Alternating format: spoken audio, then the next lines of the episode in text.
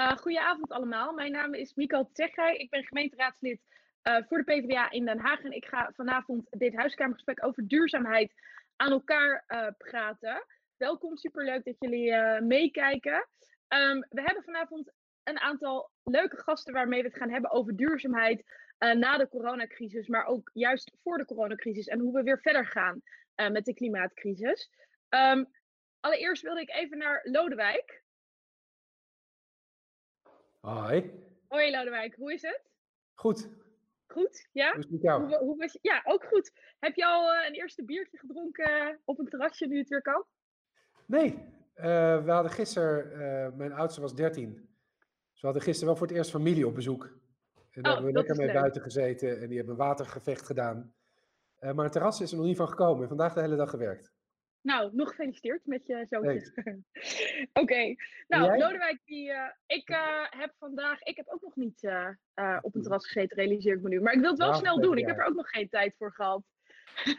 ik was naar de demo, naar de demonstratie net, dus ik goed? had daar geen tijd. Het was erg mooi, ja. En goed gelukt met de anderhalve meter afstand. Dus dat is super fijn. Dus ja, ging goed. Goeiedag gehad. Fijn. Mooi signaal af kunnen geven. Um, we gaan uh, gauw verder. Ik ga gauw even het rondje maken langs alle gasten. Um, allereerst gaan wij vanavond praten met onze eigen Frans Timmermans, onze man, onze man in Brussel. Um, we gaan het met hem hebben over zijn uh, Green Deal en ook hoe hij daarmee verder gaat uh, na de coronacrisis. Verder is vanavond bij ons Helene Koning. Zij is um, klimaatwetenschapper en hoogleraar bij de TU in Eindhoven. Um, en zij weet heel veel over klimaatbeleid. Ze heeft ook meegeschreven um, aan een rapport daarover uh, bij de VN. En daar gaan we haar uh, op bevragen, want daar ben ik heel nieuwsgierig naar. Verder hebben we vanavond bij ons Faiza Oulassen. Zij is hoofd klimaat en energie bij Greenpeace Nederland. Ja, ik zie je, Faiza. En Ines Nuiten van Youth for Climate. en voordat we naar hen allemaal gaan, um, vraag ik nog even aan Lodewijk. Jij hebt een, een essay geschreven over de coronacrisis. Um, en de klimaatcrisis noem je als een van de vier uh, crisissen. En je zegt eigenlijk van ja, de ene crisis proberen op te lossen zonder aan de andere te denken, zorgt ervoor dat we eigenlijk alleen maar meer problemen krijgen in de toekomst. Kan je dat, kan je dat toelichten? Wat bedoel je daarmee? Nou, weet je, je, het begon natuurlijk met de gezondheidscrisis en inmiddels zitten we volop in de economische crisis. Maar we moeten niet vergeten dat, we, dat daarachter uh, met die klimaatcrisis een enorm gevaar dreigt. En dat als we niet uitkijken, dat, dat dit alles ook nog uitmondt in een enorme maatschappelijke of sociale crisis. Uh, de ongelijkheid in de wereld. Uh, wat dat betreft is de Verenigde Staten best wel een, een, schrikbarend voorbeeld. Als je daar nu kijkt hoe mensen geraakt worden en getroffen. En wat mij heel gevaarlijk lijkt, is als je zegt, nou wacht maar even met al die andere lastige dingen. Ik denk juist dat je dit moment goed moet gebruiken om de economie zo te proberen aan te passen dat die werkt voor de mensen. En dat betekent ook dat je, dat je zorgt dat, dat de planeet niet uh, zodanig vervuild wordt dat het onleefbaar is. Ik denk dat, dat als je iets ziet in deze crisis, dan is het dat, dat er wel degelijk heel veel verandering mogelijk is. Maar laten we die dan ook uh, voor het welzijn van ieder mens gebruiken. Uh, en dan is dit wel het moment. Maar ik ben heel benieuwd hoe de anderen uh, daarnaar kijken. Ja, want um, Frans die... Uh, oh, wacht, ik krijg trouwens tussendoor even door dat, we, dat iedereen zijn camera aan moet zetten. Want dat is leuk, want dan kunnen we jullie allemaal ook zien. Dus als je in de huiskamer zit, zet dan ook je camera even aan. Um, en jullie komen zo achter waarom dat zo belangrijk is trouwens. Dat is nog even een verrassing. Um, ik wilde even uh, naar Frans. Want uh, Frans, Europa wordt natuurlijk hard ja, getroffen door de coronacrisis. Dat lijkt me duidelijk. Is dit dan eigenlijk wel het moment voor een Green Deal? En is, is het nog haalbaar om klimaatneutraal te gaan in uh, 2050? Als we uh, kijken naar wat we daar bij de vorige hebben gedaan, is ook ontzettend veel geld gemobiliseerd. En dat geld is vaak uh, totaal verkeerd besteed. Het is gestoken in dingen die eigenlijk geen lange levensduur meer hadden. Je dat geld kwijt. Kijk naar waar we nu zitten. Veel erger dan wat we eerder hebben meegemaakt. Dus we zullen enorm veel geld moeten mobiliseren om de boel weer op gang te krijgen. Dat betekent dat we ook weer een extra last leggen op de schouders van onze kinderen en zelfs kleinkinderen. Onvermijdelijk, want anders krijg je de boel niet op gang. Dat moeten we echt doen. Maar als we dat dan doen, dat geld kun je maar één keer goed uitgeven. En de enige goed uit te geven is om het te investeren in de economie van de toekomst. En niet die van het verleden. En dat wordt een grote uitdaging voor iedereen die nu verantwoordelijkheid draagt, of het is in de gemeente of landelijk of in Europa, om ervoor te zorgen dat we het geld van onze kinderen niet verkwisten, als kinderen later niks meer aan hebben. En we hebben natuurlijk nu de klimaatcrisis niet helemaal helder voor de geest, want we hebben grotere, meer onmiddellijke zorg. Maar die klimaatcrisis is er nog steeds. En is nog steeds letterlijk levensbedreigend. Dat geldt ook voor de biodiversiteitscrisis. We krijgen met een sneltreinvaart 1 miljoen soorten te verliezen als we niet snel optreden. Dus laten we ervoor zorgen dat we het geld dat we nu moeten mobiliseren, investeren in een economie waar onze kinderen en kleinkinderen echt iets aan hebben. Een schoner milieu, schonere natuur, een balans tussen mens en natuur. Want het ene dat we nu met een pandemie te maken hebben, is ook dat die balans totaal verstoord is. Dus we zullen echt alle middelen bij elkaar moeten zetten om zeg maar, dit als een geheel aan te pakken. En niet zeggen eerst even uit die crisis, dan gaat klimaat, dan weer naar biodiversiteit. Die luxe hebben we helaas niet.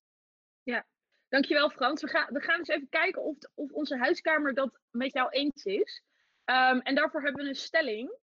Als het goed is gaat Julian die nu, uh, dan kunnen jullie zo, die zo ook allemaal zien. Um, je hebt dus, als het goed is, nu je camera aanstaan. Dus ik kan zo zien wat de, wat de uitslag is van deze, van deze stelling. Um, we doen een soort petje op, petje af, maar dan met duimpje omhoog, duimpje omlaag. En um, de eerste stelling is, als je het e-, daarmee eens bent, doe je dus je duimpje omhoog. Dit is het moment om de klimaatcrisis aan te pakken. Duim omhoog. Maar als je zegt, nee, we moeten ons nu eerst focussen op herstel na de coronacrisis, doe je duim omlaag. Dus iedereen kan nu meedoen. En ik ben benieuwd wat jullie daarvan vinden. Oh, dat is grappig. We hebben een eensgezinde huiskamer vanavond. Nou, dat is mooi. Dan hoeven we daar niet meer over, uh, over verder te praten. Nee. Uh, Lodewijk, heb jij het idee dat, uh, dat mensen in Nederland ook zo eensgezind zijn hierover? Of heb je het gevoel dat de klimaatcrisis nu toch een beetje op de achtergrond raakt door de coronacrisis?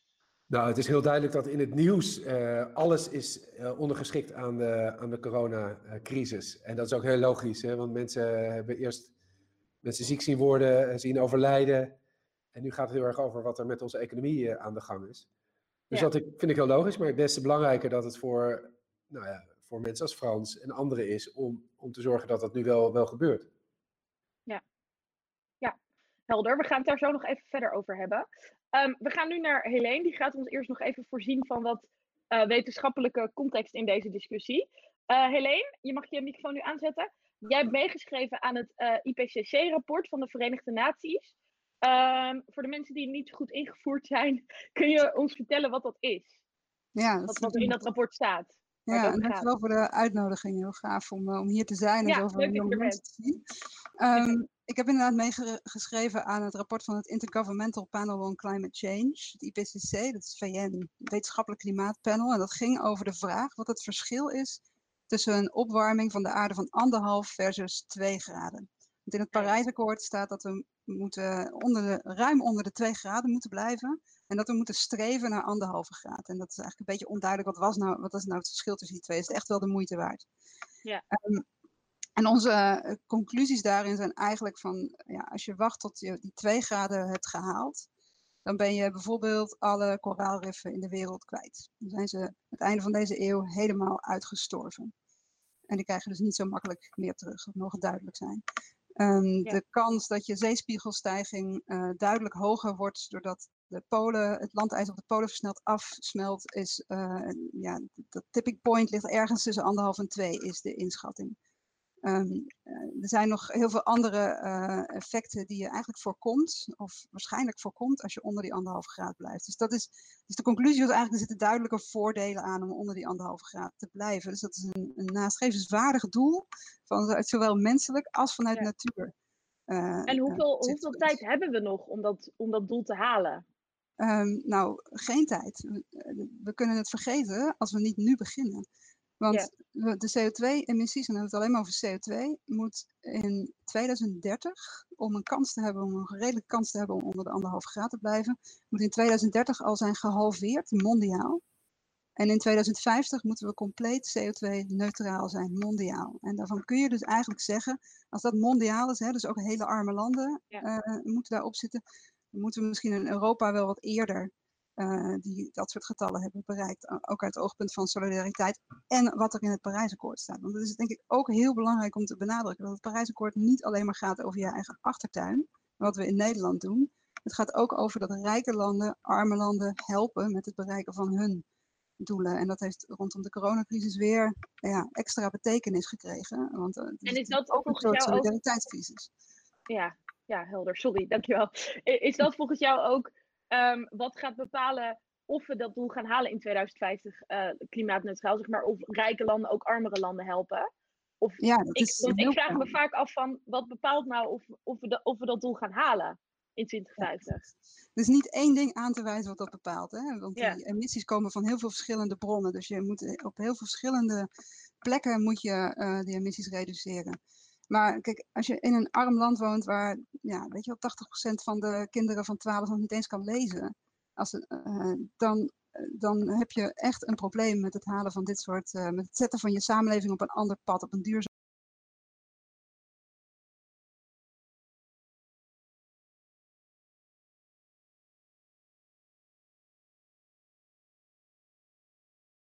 kwetsbaarst. Dus help ons. En zo is het ook afgesproken in het Parijsakkoord. En, dus en we moeten daar gewoon onze plicht verzaken. En ja, helder, inderdaad. Maar, maar wordt dat dan nu door de coronacrisis weer helemaal overhoop gegooid, voor jouw gevoel?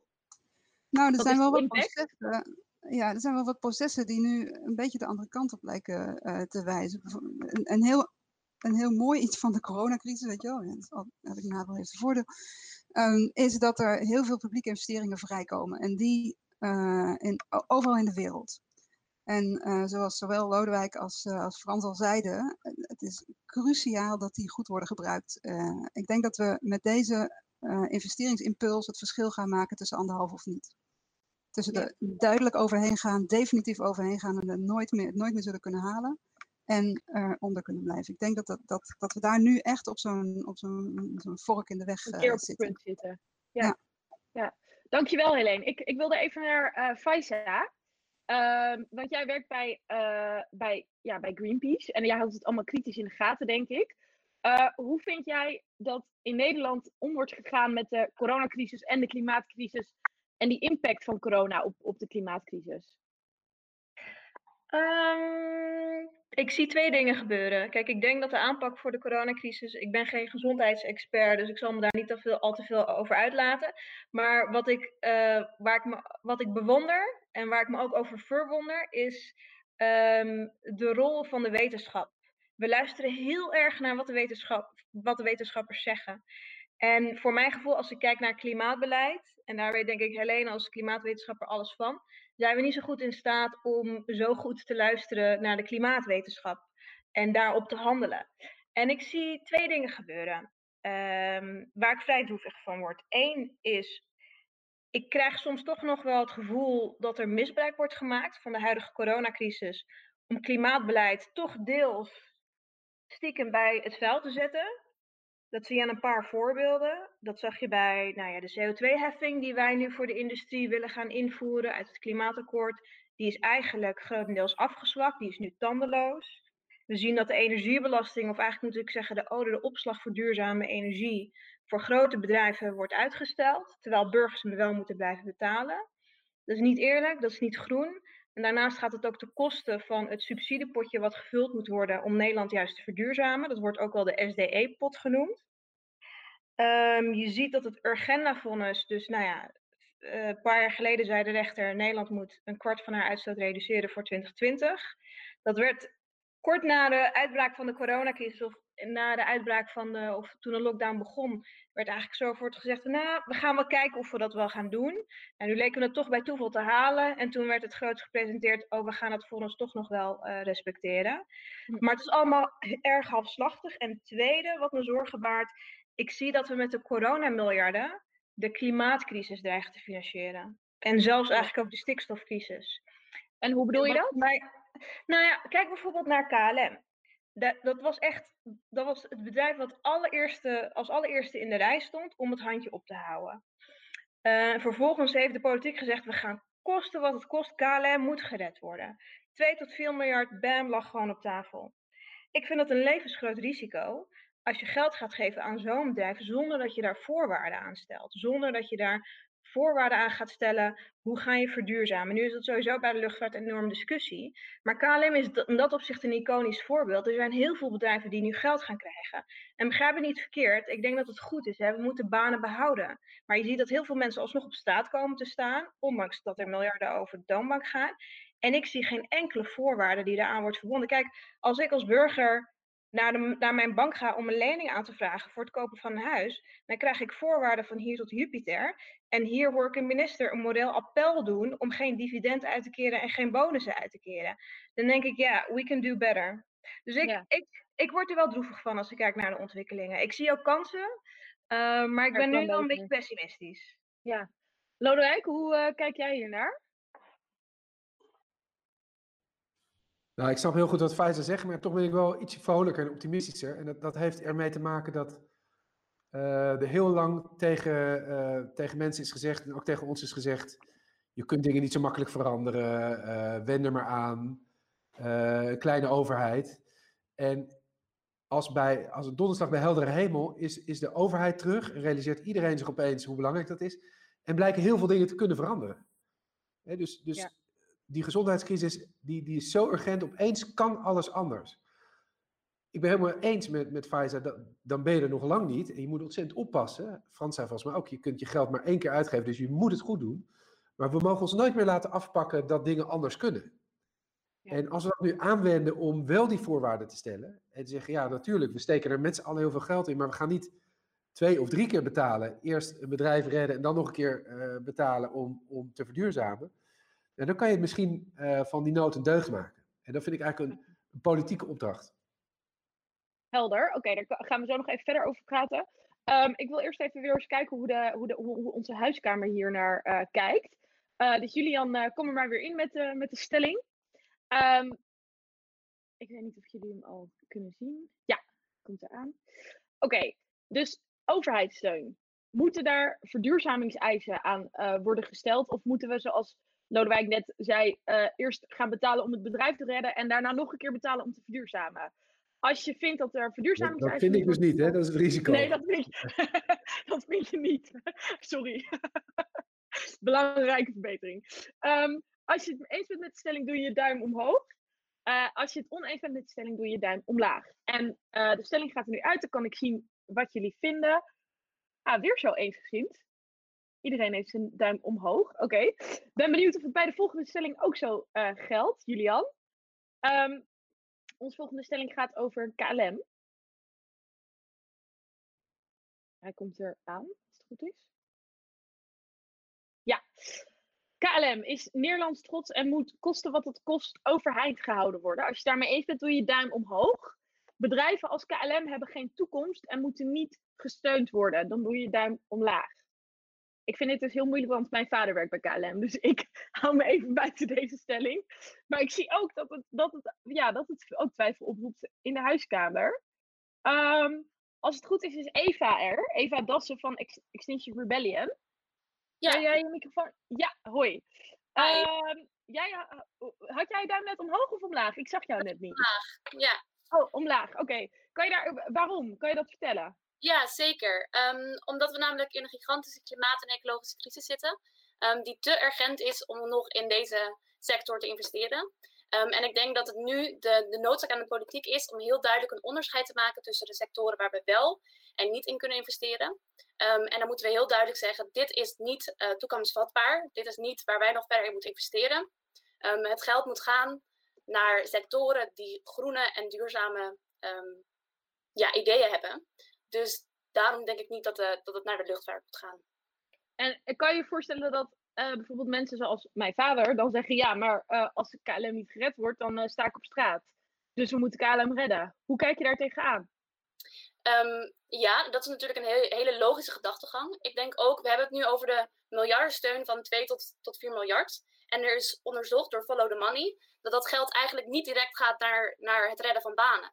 Maar meer gaat om KLM als, als Nederlands um, icoon houden, zeg maar. En dan denk ik van... Merk, ja. ja. als merk, precies. Dankjewel. Um, en ik denk daarvoor is de is de crisis gewoon te urgent om zoveel geld te investeren. Ehm, dus dat, dat kunnen we niet meer doen. Daar, daar, dat is op een gebaseerd station en daar kunnen we niet meer naartoe gaan. Um, ja. Jullie zijn vanuit Extinction Rebellion gekomen met een alternatief steunpakket, toch? Ja, klopt. Ja. Kan je daar iets meer over vertellen? Ja, zeker. Um, dat kwam uit, een, als, uit het initiatief van het gaat niet goed en de mhm. politiek handelt niet toereikend. En ook alles hangt samen, dat hoorde ik al eerder. Um, we kunnen het niet geïsoleerd, zien. Um, dus we hebben met verschillende bewegingen zijn bij elkaar gekomen en hebben gezegd we moeten een alternatief steunpakket uh, opstellen. Um, dat, dat, gaat eigenlijk over vijf verschillende onderwerpen. Uh, over klimaatrechtvaardigheid, over solidariteit, over een andere uh, economie en over een omslag van racisme naar gelijkwaardigheid en ook over uh, de vernieuwing van de democratie. Dus we hebben met heel veel verschillende bewegingen hebben we daar um, voorstellen over geschreven en hebben we daar dat ondertekend. Um, dus om echt een drastisch andere koers in te slaan en te zeggen van we zijn allemaal onderdeel van dit systeem en we willen echt een ander systeem op de, ja, creëren. Um, ja. ja. Oké, okay. dankjewel Eva. Ik ga even naar Frans. Ja. Frans, hoe luister jij hiernaar? Is deze crisis een uitgelezen kans om uh, grote veranderingen te realiseren.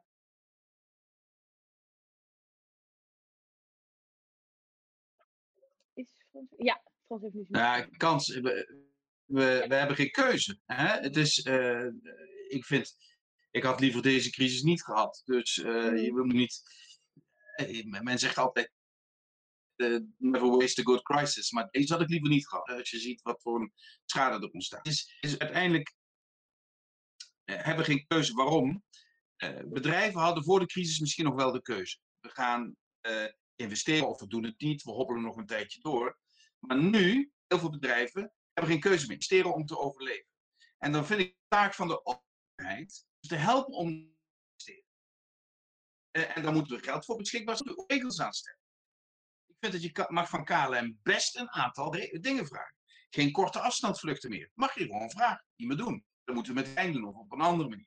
En je mag een KLM vragen nu echt investeren in duurzame brandstof, uh, uh, zuinigere vliegtuigen. Dat zijn dingen, eh, eisen die kun je aan um, steun koppelen. overigens ook de, de plannen die wij gepresenteerd hebben, die zouden onmiddellijk, als we ze uitvoeren, tot groei leiden en tot meer werkgelegenheid, maar wel onder eisen. We willen bijvoorbeeld een hele grote um, renovatieprogramma over Europa uitrollen. Dus dat je woningen en kantoren ga je dan energiezuinig maken. Van het aardgas af. Zonnepanelen. Uh, andere dingen doen. En meteen levert dat werk op. Meteen kan de bouwvakker aan de slag. Krijgen woningen die meer waard zijn. Energierekeningen die lager zijn. En we verduurzamen wat de uitstoot gaat betekenen. Dus dat zijn hele concrete programma's die we gemaakt hebben. Op basis van het doorkijken in wat er in sectoren gebeurt. En ja, niet, niet al te zo klinken, maar er komen echt ongelooflijk harde klappen. Dit middenleven en andere bedrijven. En als er mensen op straat komen te staan, dan zal de roep zijn: houden mensen aan het werk.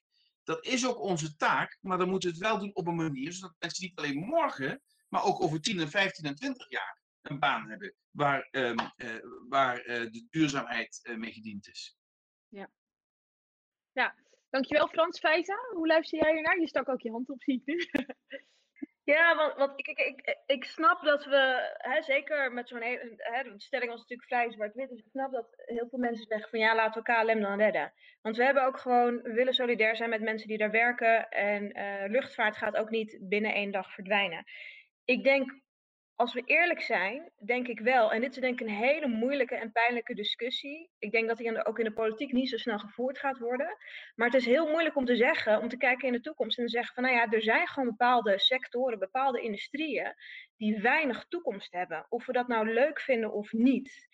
Um, om een voorbeeld te geven, kijk naar de kolencentrales tien jaar geleden, als ik tegen je had gezegd, nou die kolencentrales dicht en die mensen uh, moeten naar, naar nieuw werk worden gebracht, dan had het heel veel pijn gedaan. Nu zal je hmm. weinig mensen bij een kolencentrale tegenkomen die zeggen van potverdikkie, mijn baan moet behouden blijven. Nee, die worden nu gelukkig geholpen. Ik denk als je kijkt naar Duitsland, Die hebben een hele grote auto-industrie. Ik denk dat Angela Merkel donders goed weet, als deze autobedrijven, uh, de Volkswagens en de Opels, et cetera, als die niet heel snel elektrische auto's gaan maken en alleen maar benzinetjes en dieseltjes blijven maken, dan gaan die banen vroeg of laat verdwijnen. En dit geldt voor meerdere sectoren, ook in Nederland. En het getuigt, getuigt denk ik van lef en visie als we in Nederland, als de politiek ook kan zeggen, oké, bepaalde sectoren zullen gaan verdwijnen, moeten we daar nu miljarden in gaan pompen? Of moeten, moeten we een soort van toekomstbeeld gaan schetsen? Welke sectoren moeten we redden? Waar moeten we in investeren? En hoe gaan we ervoor zorgen dat we daar banen gaan creëren?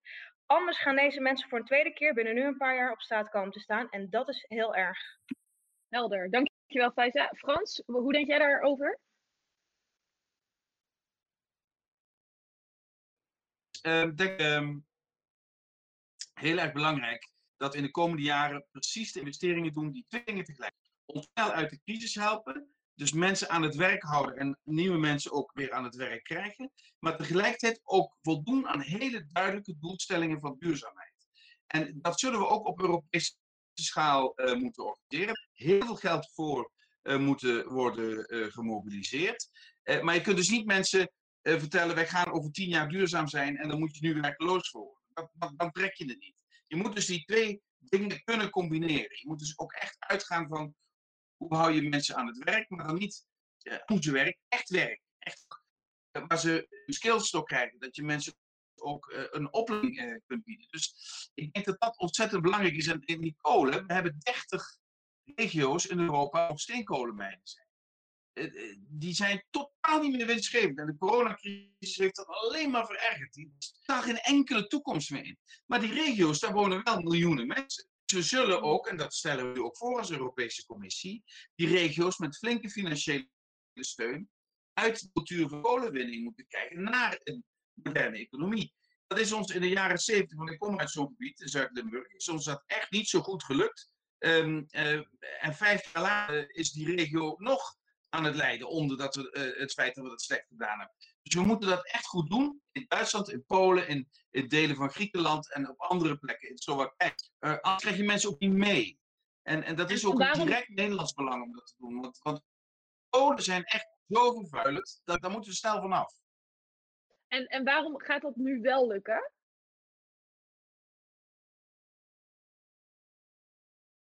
Nou, ik denk dat aan de ene kant, wat Pfizer ook zegt, uh, de tijd is gekomen omdat kolen, er is gewoon geen business case meer voor een nieuwe energiemix. Uh, überhaupt is de energiesector in grote problemen, want de investeringen zijn in elkaar geklapt. Uh, dus als we gaan investeren in de energiesector, laten we dan zeker stellen dat we het alleen nog maar in duurzame energie doen. Het is inmiddels al goedkoper dan fossiele brandstof. Maar van kolen moet echt af. Alleen, je moet je voorstellen, je hebt regio's, je hebt een land als Polen, is voor 80% van zijn energievoorziening nog van kolen afhankelijk. Om daarvan af te komen moet je wel heel diep structureel investeren. kan niet alleen. Het is in ons belang om dat land daarmee te helpen, om die kolenregio's ook een andere economische toekomst te, te bieden. Ja, dankjewel Frans. Helene wil daarop reageren. Ja, ik denk, uh, het zijn allemaal hele ware woorden. En het is echt uh, uniek dat we hier ook een ervaringsdeskundige aan tafel hebben, hebben zitten met, met zo'n zo'n transitie en of die rechtvaardig of niet was. Maar ik denk dat het een van de problemen ook in Zuid-Limburg was dat het echt een identiteit was. En nog steeds is. Je, het is nog steeds de mijnstreek. Uh, mensen identificeren zich met kolen. Dat geldt ook voor, voor Polen en voor allerlei andere regio's. Dat geldt ook voor Zuid-Afrika. Uh, en, en andere plekken waar nog heel veel kolen worden, worden gewonnen. Dus het, het is nooit alleen maar een economisch probleem. Je kunt het nooit alleen maar oplossen met investeringen. Dat is een noodzakelijke voorwaarde. Maar daarnaast moet je werken aan een, aan een, nieuw, een nieuwe trots. um, ik lijk wel een PVV'er, maar, en, ik, het is echt heel belangrijk om daar, om ook een positief verhaal aan te, aan, aan, te verbinden. Het gaat om, om gedragsverandering en we hebben net inderdaad gezien dat, dat, dat het blijkbaar kan. Ja. Um, het gaat om investeringen, het gaat om een beleidskader wat ook werkt voor de industrie.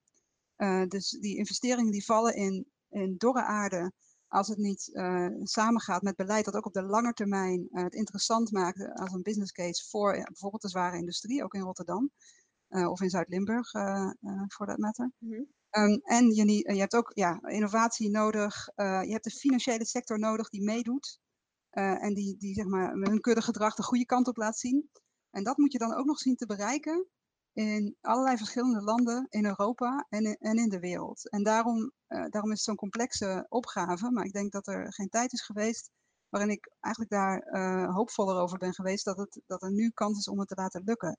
Als we die investeringen op een goede manier uh, wegzetten en als we dat doen op een manier die, die op de lokaal relevante manier draagvlak creëert. Dus, dus we moeten er echt politiek van maken. Uh, die, die, bijna een soort identiteitspolitiek is rondom duurzaamheid. Maar nou praat ik, moet ik zeggen, niet als IPCC-auteur, maar als uh, Helene Koning, moet ik even Ja, dankjewel Helene. Uh, Lodewijk, wil jij daar misschien even op reageren, wat, wat Helene zegt, het politiek maken? Nou, dat, dat raakt eigenlijk aan wat, wat Helene zei, maar ook wat uh, Faiza zei. Kijk, ik geloof heel erg dat die, als je nou het voorbeeld van KLM neemt, want dat is, dat is logisch dat dat een omstreden voorbeeld is, dat heel veel van de mensen die daar werken ontlenen ook hun identiteit aan het werken voor dat bedrijf. Uh, en ik denk dus dat het een, een, een, risico zou zijn als je zegt, god, dat is een sector van het verleden, hou er maar mee op. Uh, maar het zou ook een misvatting zijn om zo snel mogelijk weer terug te gaan naar het oude normaal. Ik denk dat uh, de, de situatie van voor corona, als je daar nu rustig weer in terugzakt, is de wereld ongelijker, dan is het schraler. Er zijn nog steeds heel veel mensen hun baan kwijt. En dan, dan op achterstand in het kader van de klimaatcrisis. Ik zou het nou zo, in die zin deel ik het optimisme van Helene en, en van Frans je zou het eigenlijk nu moeten omdraaien en uh, zo'n bedrijf als KLM echt een, een, een enorme uh, uitdaging geven en de medewerkers van KLM om duurzamer te worden. Er is alleen een voorwaarde voor. Dat is dat we ook durven te kijken naar, naar hoe we onze economie als geheel hebben gereguleerd. Dus het, het aandeelhouderskapitalisme maakt dat, dat alle investeringen in duurzaamheid heel snel uh, als, als kostenverhogend worden gezien. Zo in feite worden die kosten nu gedragen door ons allemaal, uh, door de ja. volgende generaties en door de planeet. Ik zou het heel mooi vinden, en daar, daar zou de Europese Commissie nu, nu en dat, daar hebben ze al een begin mee gemaakt, als we de verhouding tussen overheid en bedrijven en, en bewoners opnieuw willen definiëren. We hebben allemaal belang bij, bij goed werk, we hebben allemaal belang bij bedrijven die winst maken. Maar er gaat iets mis als alles blijft draaien om, om de, de aandeelhouderswaarde. Want dat, dat zorgt steeds voor heel erg korte termijn prikkels en impulsen. Als we dat zouden kunnen omdraaien, bedrijven belonen die nu juist een enorme stap voorwaarts zetten om duurzamer te worden. Bedrijf als KLM, want ik denk dat we in de toekomst wel zullen blijven vliegen. Hè? Net zoals we in de toekomst elektriciteit nodig blijven hebben, alleen niet meer uit kolen. Uh, dus ik, ik zou het heel mooi vinden als we daar een stap in zouden kunnen zetten. Oké. Dat betekent en... dus ook anders kijken naar het mededingingsrecht, anders kijken naar de staatssteunregels. En ook dat kan, want op hele grote schaal zie je nu overheden bedrijven steunen uh, met toestemming van de commissie. Nou, misschien kunnen we daar ook een vervolg uh, aan koppelen om te zorgen dat die, die transitie uh, niet ten koste gaat van, van de bewoners, maar dat, dat die de bedrijven helpt die het goede willen doen. Ja. En in die, want we hebben het nu elke keer over investeren in duurzamere sectoren. Um, ik kan me ook voorstellen dat je binnen Europa het een en ander met elkaar afstemt. Dus als, hè, wat Frans net zei, als uh, Polen de mijnindustrie uh, verliest, dan verplaatsen we daar een deel van de elektrische auto's, de auto-industrie naartoe. Um, hoe, hoe, ziet, ja, hoe ziet die duurzame economie eruit? En ook juist in dat Europese verband. Welke, welke sectoren gaan we dan wel steunen? Misschien is dat iets waar Frans iets over zou willen zeggen. Want hè, hoe gaan al die landen dat onderling ook met elkaar regelen? Heel graag. Ga je gang, Frans? Ja, dat is natuurlijk. De, de, de, we zitten ook nog eens een keer. We zitten ook nog eens een keer midden in een, in een industriële revolutie. Hè? Dat moet je niet vergeten. Alles komt ja. bij elkaar nu. Hè? Ja. Uh, de economie wijkt op in een tempo. Dat hebben we nooit meegemaakt. Geen mensen die niet mogen. En uh, ik wil nog even aan over het Lodewijk zei. We hebben daar een campagne over gevoerd. En ik hoop dat Lodewijk daar straks een campagne over gaat voeren. We moeten dus echt heel grondig naar het belastingstelsel kijken. Dat deugt niet. De belastingen komen op een verkeerde plek terecht. En er zijn veel te veel bedrijven, zeker bedrijven die niet zeg maar, erg fysiek gebonden zijn aan een plek, die totaal geen belasting betalen. Dat high-tech geen belasting betaalt, is ondraaglijk, want daar worden de hele grote winsten gemaakt. En van hen mag je wel verwachten dat ze gewoon een eerlijk aandeel aan de collectieve sector uh, afdragen. En ik vind de belasting op arbeid is omdat te hoog. En de belasting op wat um, andere zaken beïnvloeden het milieu, uh, zoals onze data, die van ons zijn, die, die is veel te laag. En dus we zullen echt daar ook naar moeten kijken. En, en echt, we moeten weer, klinkt ouderwets, we moeten een echt progressief belastingstelsel. Anders komen we hier niet uit. Dat zal ook door de bevolking van ons worden gevraagd. En als je vraagt naar de sectoren, ja, we ik heb al gezegd, voor ons is alles wat met de bebouwde omgeving te maken heeft een prioriteit. Omdat daar heel veel klimaat staat en tegelijkertijd ook heel veel werk.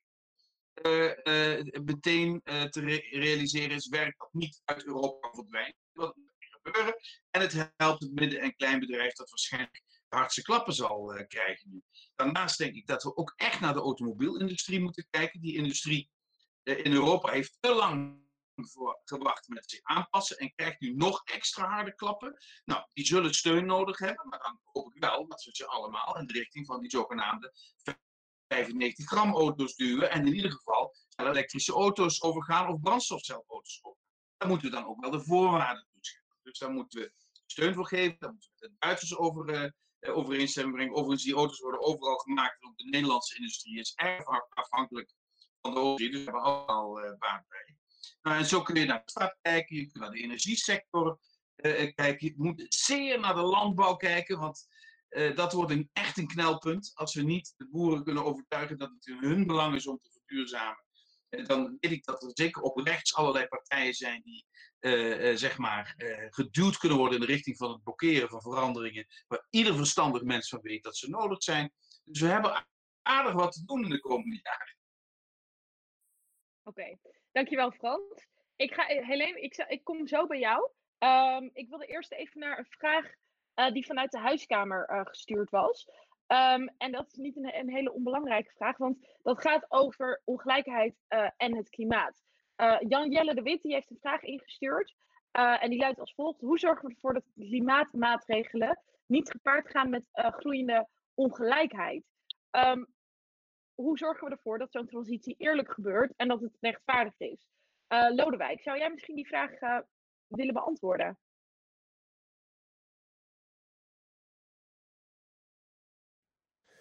Nou, ik denk dat voorwaarde 1 is genoemd door uh, Frans toen het ging over mensen die in een sector werken uh, waar het moeilijk is. Als je die mensen in de steek laat, dan delegitimeer je, vind ik, de hele transitie. Uh, want zij kunnen er helemaal niets aan doen. En het tweede, daar ben ik wel heel bezorgd over, de recente berichten. Dat gaat ook over de rekening eerlijk verdelen.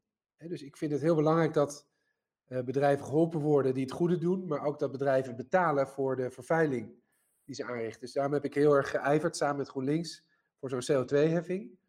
Een enorme emmer welke vorm die dan zou krijgen. En uh, dat was vorig jaar een enorm topic. En nu horen we dat die eigenlijk zo is vormgegeven dat het de komende jaren niks betekent.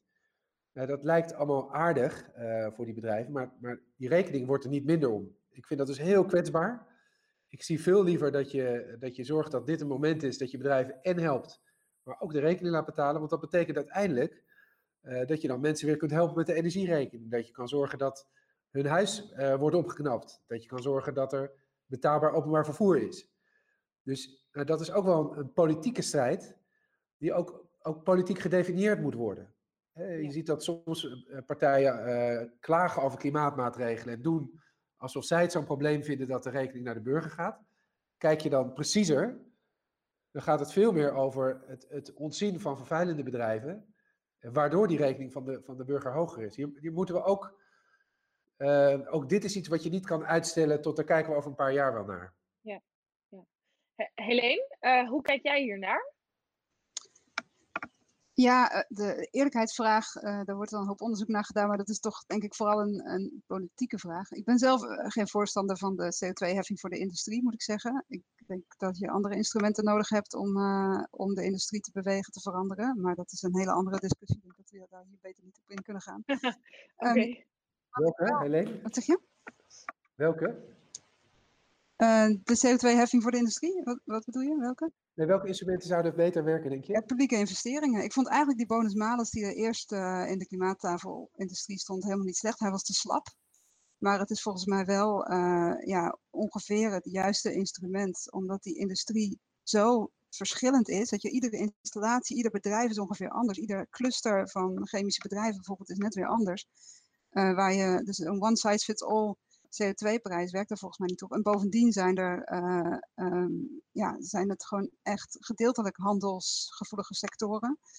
Uh, waardoor je die, die, die weglekeffecten, die zouden best wel eens sterk kunnen zijn. En ja, ik vrees daar echt voor dat we in plaats van een business case voor de staalindustrie in Nederland, klimaatneutraal in 2050, dat we ja, toch ons vooral heel erg onaantrekkelijk maken voor die staalindustrie. En daar, daar ben ik wel echt heel bang voor. Dus, ja. Dus je moet de industrie ook een beetje verleiden om hier te blijven. Met de mogelijkheid om hier echt de, de, uh, ja, de, die klimaatneutrale industrie echt te worden. En hier de investeringen en de kennis te krijgen. En het hier maar te gaan uitproberen. Maar goed, dat is volgens mij echt een andere discussie dan hoe we uit de corona komen. Hij, hij is er nu en ja, dan moet hij natuurlijk ook tanden hebben als hij er is. Anders kun je het beter niet doen. Dan hadden we beter ons al die, al die, al die discussies over iets anders kunnen voeren. Um, Oké, okay, mijn vraag was Helene. Wat ik wilde oh, zeggen, ja? was ja? een reactie eigenlijk op, op, op wat uh, Frans zei. Um, uh, want ik vond dat hij helemaal gelijk heeft. Maar ik denk dat er, dat er één essentieel woord is wat we, waar we echt in moeten investeren. En dat, daar worden al tientallen jaren wordt daar niet genoeg in geïnvesteerd. En dat is infrastructuur. Uh, dat zeker sinds de financiële crisis, sinds eigenlijk de regels voor investeringen strenger zijn geworden, is het alleen maar moeilijker geworden om uh, investeringen te doen in echt in de lange termijn. Want dat is over het algemeen iets wat een publieke dienst doet of een publiek bedrijf. En we, zijn dus, we hebben moeite gekregen met het doen van die investeringen in infrastructuur in Nederland, in Europa, maar ook internationaal. Daarom denk ik ook dat instrumenten zoals Invest International, die nu, waar nu over gepraat wordt, wat binnenkort in de Kamer komt, als je daar voorwaarden aan kunt stellen van daar moet eigenlijk geen cent naar, naar niet-groene investeringen gaan. En infrastructuur is breed. Hè? Het kan, kan CO2-pijpleidingen zijn of, uh, of uh, hoogspanningsleidingen voor windturbines, maar ook waterstofleidingen of natuur. Um, en over het algemeen investeringen daarin leveren op lange termijn banen op. En ja, alle infrastructuur die we nu hebben, waar vroeger veel in geïnvesteerd is, zijn we nu hartstikke blij mee. Ja. we zijn blij dat we die hebben en dat maakt een uh, economie competitief. Dus volgens mij infrastructuurinvesteringen als onderdeel uh, van die, uh, hoe we uit de crisis komen is echt cruciaal. En daar repareren we ook een ander tekort op, namelijk dat we onderinvesteren in infrastructuur en daarmee de Europese economie niet helpen. Ja, dankjewel Helene. Frans, wil jij daarop reageren? Misschien ook met de Europese blik? Ja, heel graag. Ik, ik wil he emissiehandelssysteem. Ik ben wel een voorstander van emissiehandelssysteem. Uh, het grappige is dat in deze crisis uh, de prijs van uh, koolstof enorm naar beneden ging. Die was ongeveer 25 euro per ton. Die ging naar beneden. En toen dachten we, oh oh, uh, we kunnen het niet aan, dat emissiehandelssysteem zakt door de bodem. Maar de prijs is zelfs midden in deze crisis nu alweer rond uh, eh, 20 euro. Dus er is echt een voor een emissiehandelssysteem. Dus daar handel je in, in stoot, zodat je bedrijven eigenlijk dwingt uitstoot te reduceren, want dat is beter voor hun prijsresultaat. En ik vind de opbrengst van dat handelssysteem het zou helemaal moeten worden teruggesluist naar wat Helene het eh, bouwen van duurzame infrastructuur. We hebben onze plannen met InvestEU en zo. Bijvoorbeeld willen we ongeveer 2 miljoen laadpalen in heel Europa neerzetten. Op plekken die niet economisch haalbaar zijn. Hè? Dus waar een beetje steun voor nodig is. Zodat alle Europeanen binnen van een laadpaal een elektrische auto kunnen hebben. Dat, we moeten ook heel erg investeren in waterstof. We kunnen staal produceren in Europa, zelfs groene staal produceren in Europa, maar dan moeten we in de komende vier, vijf jaar echt de techniek verder ontwikkelen dat je met waterstof uh, uh, laten draaien. Dat kan. Um, de techniek is nog niet ver genoeg, maar als we erin investeren, komen we daar wel. En tegelijkertijd moet je ook dan Europa beschermen. Je moet aan de grenzen um, uh, heffingen doen als andere delen van de wereld niet in de richting van het Parijsakkoord willen gaan. Dat zijn wel consequenties die we moeten accepteren. Anders wordt uh, de, zeg maar de schonere stalen in Europa helemaal kapot uh, geconcurreerd met vuile stalen uit China of uit Turkije of uit de Verenigde Staten. Dus we zullen wel een maatregelen moeten nemen. Dat is voor Nederland soms een beetje slikken, want men denkt dan meteen, oh dat is protectionisme, dat is slechts van handelsland. Maar ik denk een heffing aan de grens om ervoor te zorgen dat we een industrie die verduurzaamt, ook beschermen, is denk ik echt nodig in Europa. En dan komen we er wel. Dankjewel Frans. Helene wil daar graag op reageren. Ja, ik wil even één ding zeggen. ik wil één ding rechtzetten. Ik ben helemaal niet tegen het emissiehandelssysteem. Ik vind het echt een, uh, een, een goed systeem. Ik heb het echt specifiek over de CO2-heffing op de industrie in Nederland.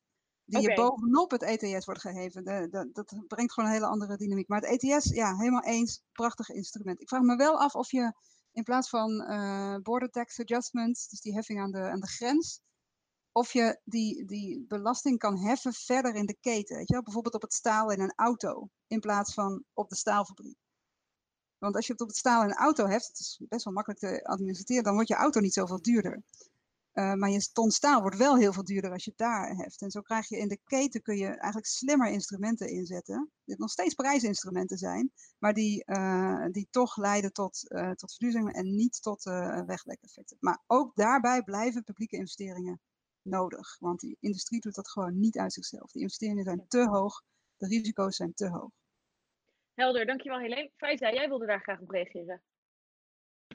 Ja, uh, Mikael, ik raak enorm getriggerd als het gaat over de CO2-heffing. Ik heb zelf anderhalf jaar van mijn leven gezeten aan de industrietafel om die CO2-heffing van de grond te krijgen. Dus ik werd getriggerd door Helene, die zei van het bonus systeem versus CO2-heffing. Misschien wordt het dan net iets te nitty-gritty, maar dat deel ik totaal niet. Kijk, de, ik snap wel wat je bedoelt. We hebben hele verschillende sectoren eh, in de industrie. We hebben een staalindustrie, we hebben de chemie, we hebben, dat kan je weer onderscheiden in kunstmest, plastics, et cetera, et cetera. Uh, de kracht van een CO2-heffing is dat je dat geld niet voor altijd afpakt. Uh, dat stop je in een subsidiepotje en via terugsluis kan je dat teruggeven aan de industrie. Uh, het punt alleen is, hoe ga je dat onderscheid maken? Hoe ga je ervoor zorgen dat grote projecten dan van de grond komen en dat je niet een chemisch bedrijf achterstelt ten opzichte van een staalbedrijf? Dat doe je door schotten te creëren, dus aparte potjes voor bepaalde technieken die je moet gaan stimuleren, zoals waterstof, zoals het elektrificeren, uh, zoals vormen van procesefficiëntie. Nou, en dat is allemaal heel gedetailleerd. Maar dat doe je door schotten in wat wij noemen in de SDE-pot. Dat is helaas waar het kabinet niet voor heeft gekozen. En het bonus-malus-systeem lijkt eigenlijk heel erg op het beleid van de afgelopen 25 jaar.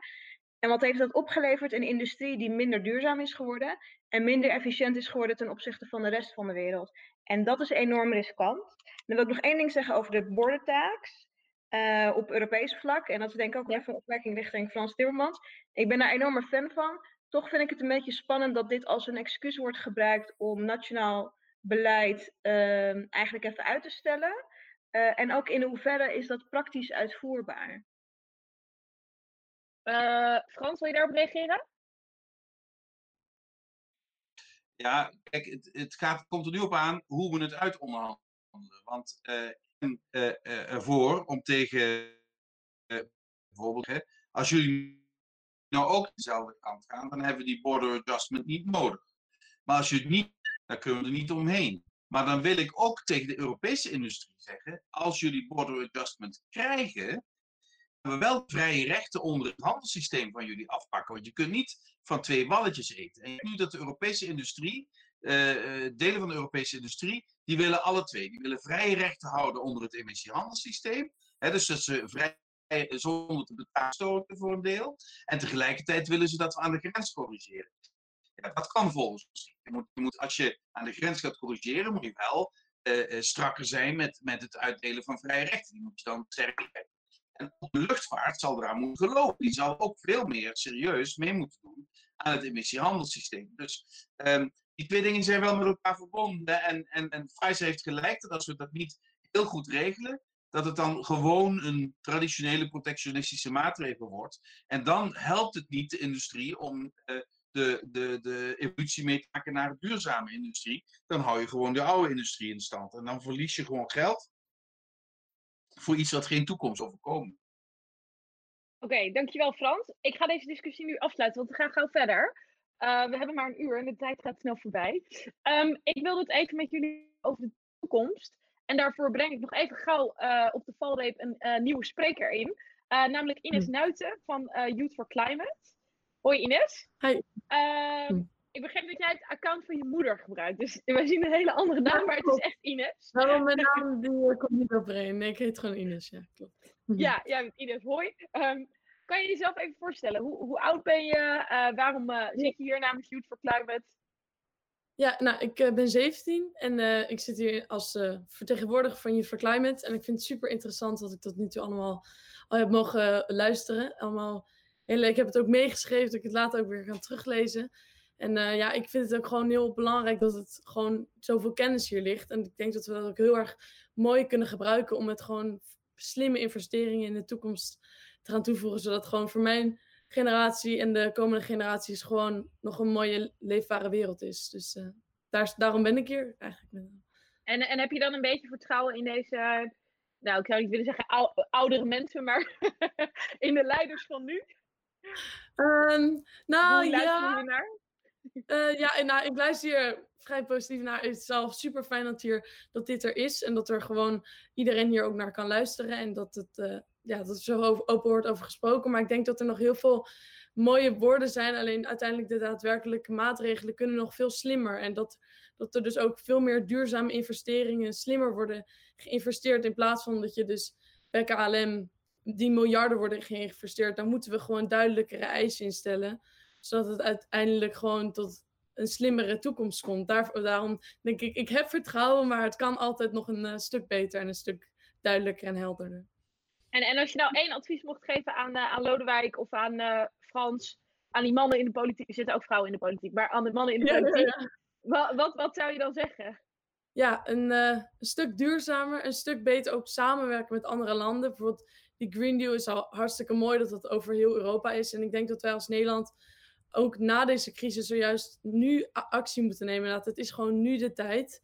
En dat we dan ook het goede voorbeeld gaan laten zien van duidelijkere investering. De, dat er ook de werknemers weten waar ze aan toe zijn. En dat ze ook worden beloond als ze duurzamer, duurzamer laten zien dat ze goed bezig zijn op die weg. Dus ik denk, als we het dan slimmer gaan aanpakken en meer gaan samenwerken ook met andere landen, dat dat uh, heel mooi zou zijn. Dat is uh, zo'n beetje.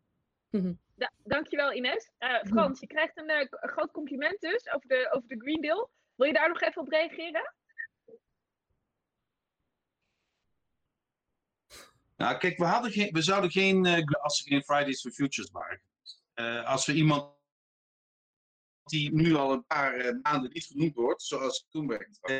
toe, af en toe, want ik, ik heb ook een, een soort een clubje met, met jongeren uit Fridays for Future. Af en toe werken ze hier ontzettend op de zenuwen, omdat ze heel veel haast hebben. En we doen ons best. Maar ze zijn onmisbaar. Ze zijn onmisbaar. Vergeet dat niet. Want er was geen Green Deal zonder hen. En um, ik vind dat wij de verantwoordelijkheid hebben om dan ook te leveren. Omdat, ja, ik heb ook kinderen in die leeftijd. Spelen met hun toekomst. Echt waar. Als we nu niet snel de grote veranderingen uh, uh, doorvoeren. Um, uh, Helene had het daar straks al over. Misschien mag ik er nog iets over zeggen. Die tipping points.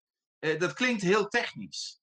Maar tipping points, dat betekent heel simpel. Als we daar gaan, hebben we de zaak niet meer onder controle dus niet meer invloed op wat er met ons leefmilieu gebeurt. En dan zijn zaken als het verwoestijnen, het verdrogen, uh, voortdurend stormen, zeespiegelstijgingen, het verdwijnen van soorten, die, die gaan dan als een soort uh, automatisme heel snel verder. Met onvoorstelbare consequenties. Dat mag ons niet overkomen. Dus we moeten er echt voor zorgen dat we in 2050 als Europa klimaatneutraal zijn en dat we die temperatuurstijging tot maximaal anderhalve graad beperken. Het is lastig, maar het kan. Het kan. Alleen op dit moment zit dat niet bij de mensen op hun, eh, bovenaan hun prioriteitenlijstje. Maar dan Fridays for Future. En mensen uh, die daar uh, door geïnspireerd raken, moeten ervoor zorgen dat het binnenkort weer helemaal op de top van ons lijstje staat. En als je dan ziet hoe snel we ons aan hebben kunnen passen aan de coronacrisis, heb je dan ook iets meer vertrouwen um, in ja, hoe, hoe we de klimaatcrisis nu te lijf gaan. Frans, vraag ik aan jou, sorry. nou, ik denk dat we in ieder geval nu uh, onze kwetsbaarheid hebben herontdekt. Dus alle hubris die er was, alle mensen hadden, is ons nu wel afgenomen. Misschien dat dat ons tot wat, wat reflectie uh, dwingt. Het laat ook zien dat het een groot probleem is met onze als we niet in balans komen met onze natuurlijke omgeving. Want zo'n pandemie heeft ook te maken met dat we te dicht op de natuur zitten, zal ik maar even zo uh, uh, zeggen. Dus dat zijn allemaal verstoorde balansen die we moeten herstellen als we letterlijk willen overleven. En als we dat niet doen op een manier die eerlijk is, gaat een groot deel van de mensen gaat de hakken in het zand zetten. En die gaat zeggen, ach, dat klimaatgelul, dat is iets voor mensen die zich kunnen veroorloven. Niks. En er zijn juist de mensen die het meest kwetsbaar zijn, zijn dan de mensen die ontwikkeling gaan tegenhouden. Om begrijpelijke redenen. En dat mag ons niet overkomen. Het zijn de meest kwetsbare mensen op dit moment, uh, die hier steun we nodig hebben, maar die wij ook moeten steunen. Um, en, en dat is denk ik de meest, uh, voor, voor de sociaaldemocratie de meest fundamentele opgave voor deze en de volgende generatie. Ja, dankjewel Frans. Uh, Lodewijk, wat, wat kunnen we wat jou betreft leren van de coronacrisis om ook die klimaatcrisis te verslaan? Nou, we hebben denk ik al, al een beetje over gehad dat dingen dus heel snel kunnen veranderen en dat overheden weer heel veel lijken te kunnen. Maar mm -hmm. dat kan ook verkeerde kanten op gaan. Je ziet ook uh, overheden die juist de situatie gebruiken om de oppositie monddood te maken of grondrechten opzij te zetten. Uh, je ziet aan de ene kant dat de lucht schoon is, aan de andere kant uh, wordt er veel minder met de trein gereisd en wordt er gezegd dat dat blijft zo. Dus er zijn politieke keuzes te maken die straks verschrikkelijk belangrijk zijn. En om met dat punt wat Frans net aan het einde maakt, het is, het is moeilijk groen doen als je rood staat. Dus als je uh, niet tegelijkertijd die ongelijkheid in de sociale crisis aanpakt, dan, dan breng je die hele uh, klimaatopgave in discrediet. En uiteindelijk wordt de rekening dan weer betaald door mensen die, die niet uh, in Zwitserland kunnen gaan wonen uh, op het droge. Dus volgens mij hebben we ontzettend veel haast. Kunnen er ook hele mooie dingen uitkomen. Zeker als we investeren in, in, in duurzame infrastructuur. In een gezond en, en mooi en duurzaam leven voor iedereen. Dan kan er heel veel kwaliteit ook worden toegevoegd aan ons leven. inclusief planten van bomen en het herstellen van natuur. Maar we hebben wel haast. Ik zou Eva en, en Ines en, en anderen juist willen uitnodigen uh, blijf je, je, je je stem verheffen, maar kijk ook of je niet uh, actief kan worden binnen een politieke partij om te zorgen dat, je, dat die haast ook daar gemaakt wordt. En dat, dat zou Frans helpen, dat zou mij helpen, dat zou ons allemaal helpen om hier niet de fout te maken dat je de ene crisis verwaarloost voor de andere. Nou, misschien, misschien hebben ze vanavond ja, precies. Ik wou net zeggen, misschien, hopelijk hebben ze zich vanavond welkom gevoeld. Mooie oproep, Lodewijk, dankjewel. En uh, daarmee wil ik ook afsluiten, want we zijn door de tijd heen.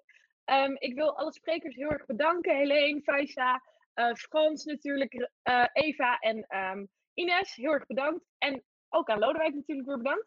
Lodewijk die organiseert 15 juni weer zo'n gesprek vanuit Breda.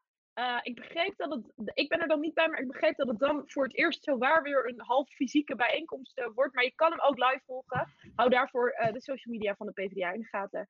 En ik wens jullie een hele fijne avond. geniet van de horeca die weer open is, maar doe het wel veilig. Fijne avond. Dag. Dank je, Nicole.